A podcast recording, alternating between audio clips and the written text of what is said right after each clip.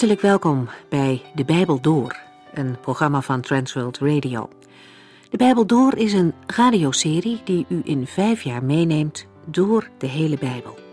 Van Genesis 1 tot Openbaring 22.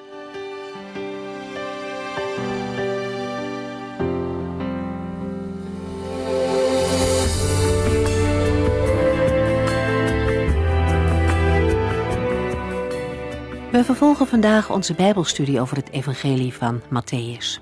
De vorige keer eindigde met een groepje Fariseërs dat bij de Heer Jezus kwam klagen over de discipelen. Het grote strijdpunt waar we in deze uitzending meer over zullen horen is de Sabbat. De discipelen hadden honger en ze hadden korenaren geplukt. Op zich geen probleem, waren het niet dat het Sabbat was. En dan was het streng verboden. Vandaag zien we dat de Heer het voor zijn mannen opneemt. Hij laat de fariseeën zien dat hij het voor het zeggen heeft als het om de sabbatsrust gaat. Maar laten we eerst nog even kijken naar de hoofdlijn van de vorige keer. Johannes de Doper was gevangen gezet. Hij twijfelde of Jezus de verwachte Messias was en stelde de vraag aan degene die het zou kunnen weten, namelijk aan Jezus zelf. Als Johannes' discipelen weggaan, begint de Heer Jezus over Johannes te praten. Hij geeft een geweldig getuigenis van deze man. Johannes was niet een gemakzuchtig of wispelturig mens, hij was standvastig, ook in moeilijke omstandigheden. Johannes was de boodschapper waar Malachi het in het Oude Testament al over had. Hij is degene die de Messias bij het volk Israël moest introduceren. Maar uit het vervolg blijkt dat Johannes niet voldeed aan de verwachtingen van de mensen. Ze hebben hun eigen conclusies getrokken, namelijk dat hij niet helemaal goed was, dat hij bezeten was. De Heer Jezus kijkt dan terug naar de periode dat hij in Galilea rondtrok. En hij verwijt de mensen dat ze zich niet bekeerd hebben, ondanks alle wonderen die hij deed. De mensen hebben veel genade ontvangen, maar ze verwierpen de koning.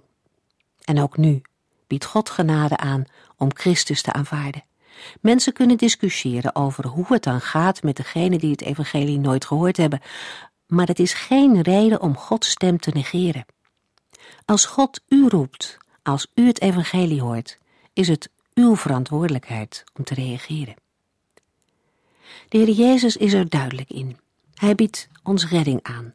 Maar als de mensen hem verwerpen, dan moeten ze ook de gevolgen dragen. En dan is het oordeel niet mild. Het idee dat Gods liefde liefde is en dat alles dus wel goed zal komen, is niet de gedachte van God. Daarom is het zo belangrijk om goed te luisteren naar wat de Heer Jezus echt zegt. Hij richt zich vervolgens tot ieder mens en nodigt iedereen, dus ook u en mij, uit om bij hem te komen.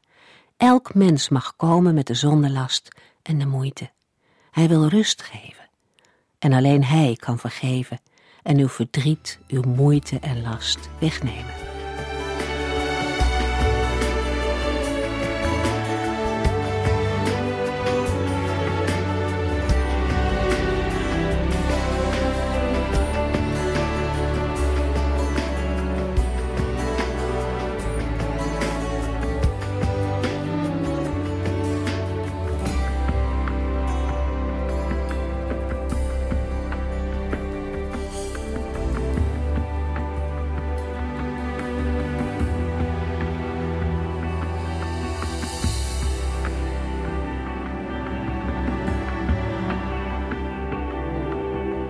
In de vorige uitzending raakte de Heer Jezus in gesprek met een aantal fariseeën. De aanleiding was het feit dat de fariseeën zeiden: Kijk eens, uw discipelen doen iets wat niet mag. Ze oogsten op de Sabbat. Waarom laat u dat toe? Matthäus 12, vers 3. Maar Jezus antwoordde: Hebt u niet gelezen wat koning David deed toen hij en zijn vrienden honger kregen? Jezus antwoordde met het stellen van twee tegenvragen. Aan de hand van twee voorbeelden uit de Bijbel laat de heiland zien dat er wetsvoorschriften zijn die ongestraft geschonden kunnen worden. In vers 3 en 4 verwijst Jezus naar 1 Samuel 21, vers 1 tot en met 6. Opmerkelijk dat het in 1 Samuel 21 gaat over de tijd dat David werd afgewezen als koning. Ook de Jezus werd als koning afgewezen. Zijn messiaanse aanspraak werd niet erkend. Matthäus 12, vers 4 tot en met 6. Hij ging Gods tempel binnen en at samen met zijn vrienden het heilige brood op. Dat mocht ook niet, want dat brood is alleen voor de priesters bestemd. En hebt u niet in de wet van Mozes gelezen dat de priesters op de sabbat in de tempel mogen werken? Maar ik zeg u, hier staat iemand die meer is dan de tempel. De oude toonbroden mochten, naar Leviticus 24, alleen door de priesters worden gegeten. David kwam op de sabbat bij priester Achimelech in Nop.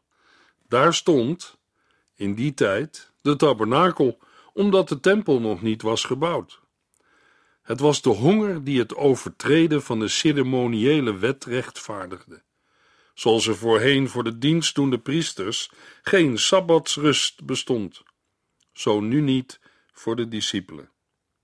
Met de uitspraak: Hier staat iemand die meer is dan de tempel, maakt de heiland aanspraak op een positie die boven het heiligste centrum van het godsdienstige leven uitgaat. Het heiligste centrum was de tempel. Daarmee had de Heer naar de opvatting van de Fariseeën God gelasterd. Als de tempel voor de dienaren de wet op de sabbatsrust kan opheffen, hoeveel te meer dan de Messias voor zijn volgelingen? Hij is meer dan de tempel.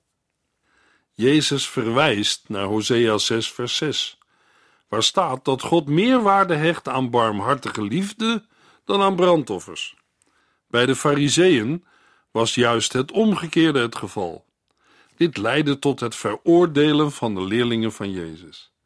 Matthäus 12, vers 7.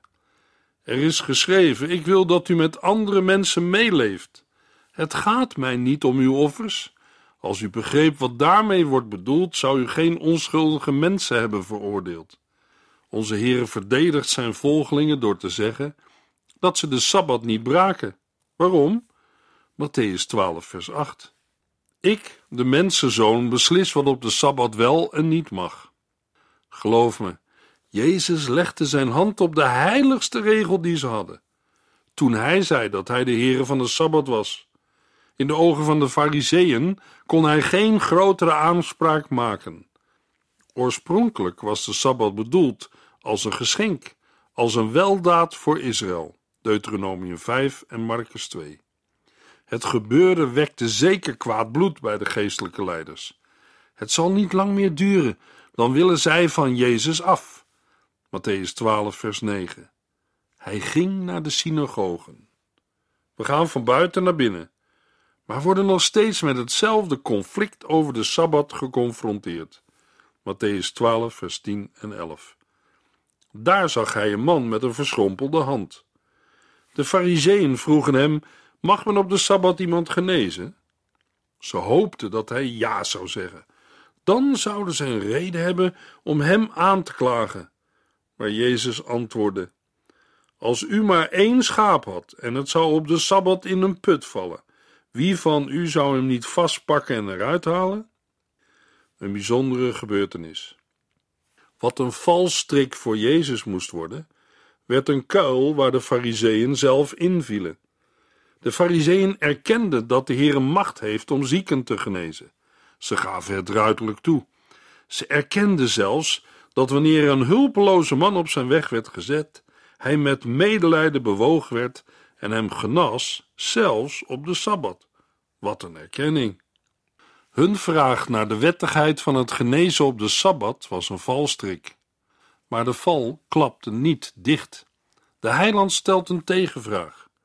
Als u maar één schaap had en het zou op de sabbat in een put vallen, wie van u zou hem niet vastpakken en eruit halen? Daarmee wees Jezus hen op hun eigen praktijk ten aanzien van de dieren. Matthäus 12, vers 12. Is een mens niet veel meer waard dan een schaap? Het is dus toegestaan op de sabbat goed te doen. De Heere sluit de discussie af met een algemene conclusie. Het is dus toegestaan op de sabbat goed te doen. Want als een mens het goede niet doet, wanneer hij daar wel de gelegenheid toe heeft, dan is dat een kwade daad. En kwaad doen is de grootste ontheiliging van de Sabbat. Matthäus 12, vers 13. En hij zei tegen de man: Steek uw hand uit. Jezus genas de man op de Sabbat. Brak hij de wet? Nee, het is toegestaan op de Sabbat goed te doen. Matthäus 12, vers 14 markeert de breuk tussen de godsdienstige leiders en de Heer Jezus. Nu nemen ze het besluit om hem uit de weg te ruimen. Matthäus 12, vers 14 en 15. De Fariseeën liepen meteen naar buiten om te overleggen hoe zij Jezus uit de weg konden ruimen. Jezus had wel door wat ze van plan waren en ging weg. Heel veel mensen volgden hem. Hij genas iedereen die ziek was. De actie van de Fariseeën bracht Jezus ertoe zich tijdelijk terug te trekken omdat zijn tijd nog niet gekomen was. Ze zullen hem niet aanpakken totdat het daarvoor de aangewezen tijd is. Het is van belang te zien dat de Heer in dit vers niet maar een paar mensen genas, hij genas iedereen die ziek was. Dit was verbazingwekkend. Niemand kon om de Heer Jezus heen. Een neutrale positie was onmogelijk. Een mens moest hem aanvaarden of verwerpen. Ook vandaag is de Heer Jezus nog steeds een steen des aanstoots. Voor mensen, voor de duivel en zijn volgelingen en voor godsdienstige leiders. Ook vandaag geldt: u bent de vriend of een vijand van hem. Hij is uw redder of wordt uw rechter. Niemand kan om Jezus Christus heen. Hij genas iedereen die ziek was. Matthäus 12, vers 16. Maar hij wilde beslist niet dat zij rondvertelden wat hij allemaal deed. De Heer Jezus kwam niet naar de aarde als wonderdoener. Hij kwam om zijn aanspraak als Messias voor te leggen. Zijn wonderen waren er de oorzaak van dat de menigten zich om hem heen verdrongen, zodat hij zijn bediening niet kon uitvoeren zoals hij wilde. Toen hij werd verworpen, ging hij verder. Hij ging de weg op naar het kruis om de redder van de wereld te worden. Matthäus 12, vers 17 tot en met 21. Dat was in overeenstemming met wat de profeet Jezaja had gezegd. Let op mijn knecht, die ik heb uitgekozen. Dit is mijn geliefde zoon. Hij verheugt mijn hart. Ik zal mijn geest op hem leggen en hij zal recht spreken over de volken. Hij zal geen ruzie maken en niet schreeuwen. Op straat zal niemand zijn stem horen. Hij zal het geknakte riet niet breken. De kwijnende vlam zal hij niet doven, totdat hij het recht zal doen overwinnen. En de hoop van de hele wereld zal op hem gevestigd zijn. Matthäus citeert Jesaja 42. Daar wordt gezegd dat de knecht des Heren geen ruzie zal maken. Hij zal afzien van verering en het door de leiders verwaarloosde volk met liefde behandelen. De profetieën over de knecht des Heren worden vervuld in de Heer Jezus Christus. Ook met betrekking tot de niet-Joden, de heidenen, worden de profetieën vervuld. Zij zullen gered worden. De verwerping van Christus door zijn eigen volk leidde tot zijn genadige aanbod aan de heidenen. In het boek Handelingen lezen we dat hij Paulus opdroeg om een zendeling naar de heidenen te zijn. U zult hen de ogen openen voor de toestand waarin zij verkeren, opdat ze zich van het duister naar het licht zullen keren en zich door God zullen laten regeren in plaats van door Satan. Door hun geloof in mij zullen zij vergeving van hun zonde krijgen en zullen zij deel krijgen aan mijn koninkrijk, samen met de mensen die bij mij horen. Handelingen 26, vers 18. Matthäus 12, vers 22 en 23. Er werd iemand bij Jezus gebracht die een boze geest had, en blind en doof was. En Jezus genas hem, zodat hij weer kon zien en spreken. De mensen wisten niet wat ze zagen. Misschien is Jezus wel de zoon van David, de Christus, zeiden zij. Met andere woorden, dit is onze Messias. Hij heeft de geloofsbrieven. Hij verrichtte een geweldig wonder, net zo groot als het opwekken van de doden, zo niet groter. Jezus ging door met de genezen en boze geesten uit te werpen. Dat overtuigde de mensen ervan dat hij de zoon van David was, de Messias. Maar wat zeiden de Fariseeën? Matthäus 12, vers 24. Maar de fariseeën, die ook van dit wonder hoorden, reageerden: Hij kan de boze geesten verjagen, omdat hun leider, Beelzebul, hem die macht heeft gegeven. Dit is de kern van de lastering tegen de Heilige Geest. Daar waar het werk van God willens en wetens wordt toegeschreven aan de duivel. Matthäus 12, vers 25 tot en met 27. Jezus wist wat ze dachten. Een verdeeld koninkrijk valt uiteen, zei hij. Een stad of een huis waar verdeeldheid heerst, blijft niet bestaan. Als de duivel nu de duivel wegjaagt, vecht hij tegen zichzelf en maakt zijn eigen koninkrijk kapot. Volgens u heeft Beelzebul, de duivel, mij de macht gegeven boze geesten te verjagen. Maar wie geeft uw leerlingen die macht dan? Zij zullen degene zijn die over u oordelen. De Fariseeën zouden nooit zeggen dat hun eigen mensen boze geesten uitwierpen door de duivel. Matthäus 12, vers 28. Als ik door de geest van God boze geesten verjaag, is het koninkrijk van God bij u gekomen. Het koninkrijk van God is bij u gekomen, zeker in de aanwezigheid van de Messias, de koning zelf. Christus zegt: Ik ben hier en mijn macht om boze geesten uit te werpen is mijn geloofsbrief. Matthäus 12, vers 29 tot en met 32. Je kunt het huis van een sterke man niet zomaar binnengaan en leegroven. Eerst zul je hem moeten vastbinden, dan pas kun je zijn huis leegroven. Wie niet voor mij is, is tegen mij. Wie mij niet helpt om mensen te verzamelen, jaagt ze uiteen. Wat voor verkeerds u ook doet, het kan u worden vergeven, maar het belasteren van de Heilige Geest kan niet vergeven worden. Zelfs wie kwaad spreekt over mij, de mensenzoon, zal daarvoor nog vergeving kunnen krijgen. Maar voor wie de Heilige Geest willens en wetens belastert, is geen vergeving mogelijk. Niet in deze wereld en niet in de toekomstige wereld. De Fariseeën zeiden dat Christus de wonderen door de leider van de boze geesten, Beelzebul, de duivel, had verricht, terwijl de Heer ze door de kracht van de Heilige Geest van God verrichtte. Aan de vruchten kent men de boom. Matthäus 12, vers 34 en 35. Stel ik je sluwe slangen, hoe kunnen slechte mensen als u iets goeds zeggen? Want waar het hart vol van is, daar loopt de mond van over. Of een mens vol goedheid of vol slechtheid zit, blijkt uit wat hij zegt. Dit vernietigende oordeel van de Heer Jezus over de godsdienstige leiders laat zien dat hij ze heeft verworpen. Hadden zij de onvergeeflijke zonde begaan? De breuk met deze vijanden is op zijn minst definitief en de wond zal niet worden geheeld. Matthäus 12, vers 36. Onthoud dit: op de dag van het grote oordeel zult u zich moeten verantwoorden voor ieder nutteloos woord dat u hebt gezegd.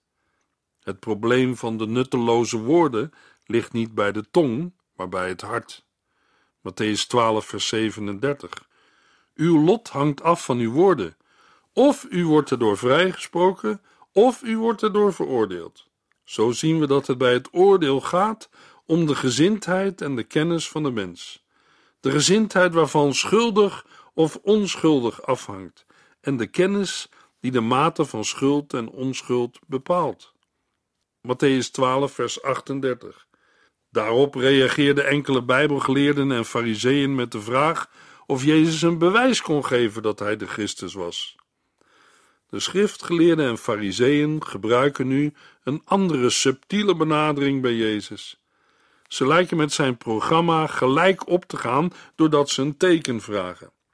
Ze hebben niet de bedoeling om te geloven vanwege een teken. Ze proberen hem te vangen. Matthäus 12, vers 39. Jezus antwoordde: Alleen een slecht en ongelovig volk vraagt om nog meer bewijzen. Het enige bewijs dat u krijgt is dat van Jona. Wat zal dat wel voor teken zijn? Matthäus 12, vers 40. Jona zat immers drie dagen en drie nachten in de buik van het zeemonster. Zo zal ik, de mensenzoon, drie dagen en drie nachten in het hart van de aarde zijn. De Heere weigert categorisch om een bewijs te geven dat hij de Christus is. Hij verwijst hen terug naar twee gebeurtenissen in het Oude Testament.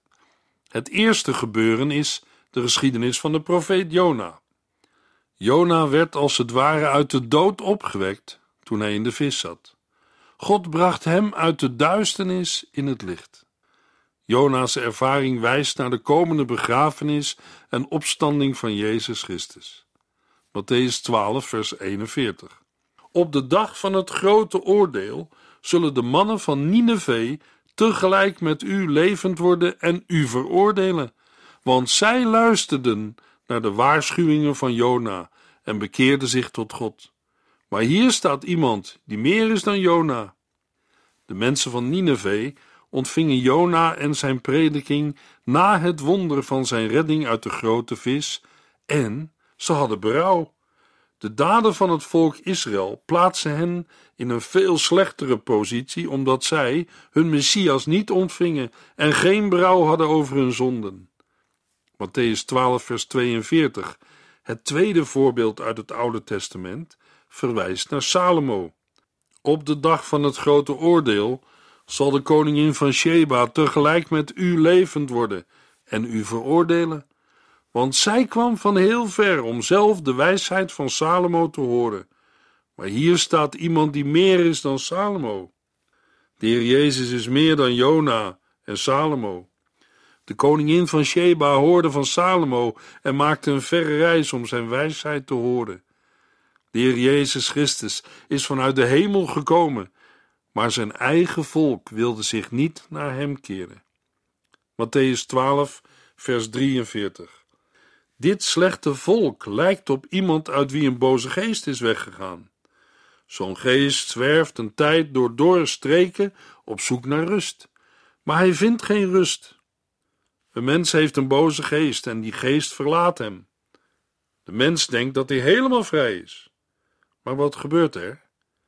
Hij zegt tenslotte, Matthäus 12, vers 44, Ik ga terug naar het huis dat ik heb verlaten.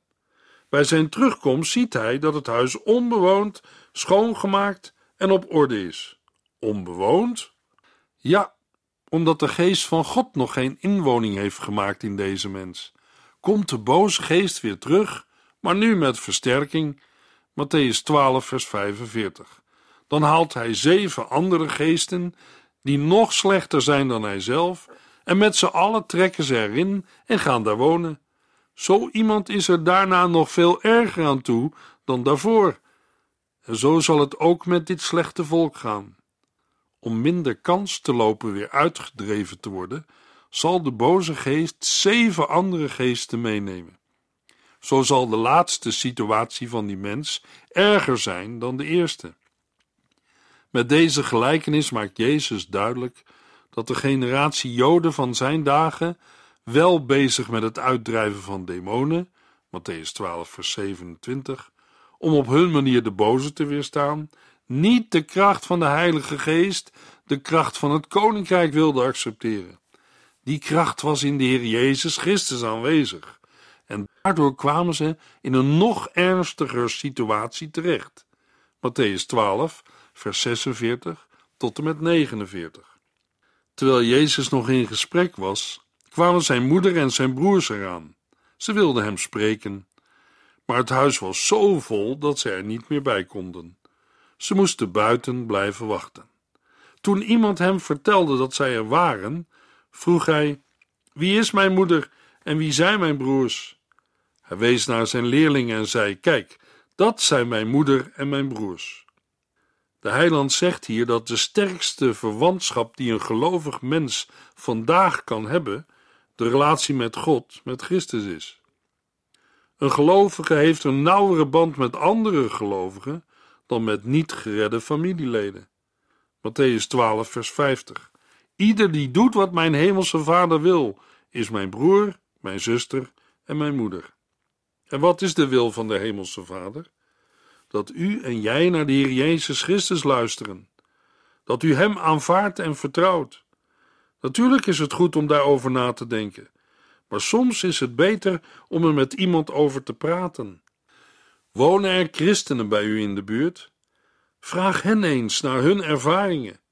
Hoe is het in hun leven tot een aanvaarden van Christus gekomen? Zeker weten dat ze u dat best willen vertellen, ook al ben je geen lid van een kerk. Ga het hen gewoon eens vragen. Na vers 50 van Matthäus 12 beginnen we nu met Matthäus 13. Het evangelie naar Matthäus is een open deur naar zowel het Oude als het Nieuwe Testament. In Matthäus 13 wil de heiland een beter begrip geven van wat het koninkrijk van de hemel is. Waar kan een mens het koninkrijk van de hemelen mee vergelijken? De Heer Jezus gaat het de mensen van zijn tijd, zijn leerlingen, maar ook u, jou en mij uitleggen aan de hand van een aantal gelijkenissen. Het is de tweede grote toespraak van de heiland in het Matthäus-evangelie. In iedere gelijkenis is een geheimenis verborgen. Een geheimenis in het woord van God is iets wat verborgen of geheim is tot een bepaalde tijd en dan wordt onthuld. De gelijkenissen laten de richting zien van het koninkrijk nadat het nabijgekomen is en door Israël werd verworpen. Gelijkenissen onthullen wat plaats zal vinden in de tijd van Christus' verwerping tot de tijd waarop hij als koning terugkeert naar de aarde. Matthäus 13, vers 1 en 2. Later die dag verliet Jezus het huis en ging bij het meer zitten. Er kwam een grote menigte mensen naar hem toe. Daarom ging hij in een boot. Van daaruit sprak hij de mensen toe die op de oever stonden te luisteren. Tot nu toe had Heer Jezus niet in gelijkenissen gesproken. Het onderscheid tussen het volk dat hem afwees en zijn leerlingen kwam nu ook tot uiting in de manier van onderwijs. Dit blijkt ook hieruit dat de Heer Jezus in gelijkenissen begint te spreken op de dag dat de tegenstand van het volk, inclusief zijn familie, tot een climax was gekomen. De heiland vertrok naar de oever van het meer omdat hij daar tot veel meer mensen kan spreken dan in huis. In het begin sprak de heiland in de Joodse synagogen, maar later meestal buitenshuis. Niet dat de synagogen voor hem gesloten waren, maar dat zou niet lang meer duren. Het volk verzamelde zich op het strand. De menigte was zelfs zo groot dat de Heer moest uitwijken in een boot van waaruit hij het volk toesprak. In de volgende uitzending gaan we luisteren naar de eerste gelijkenissen.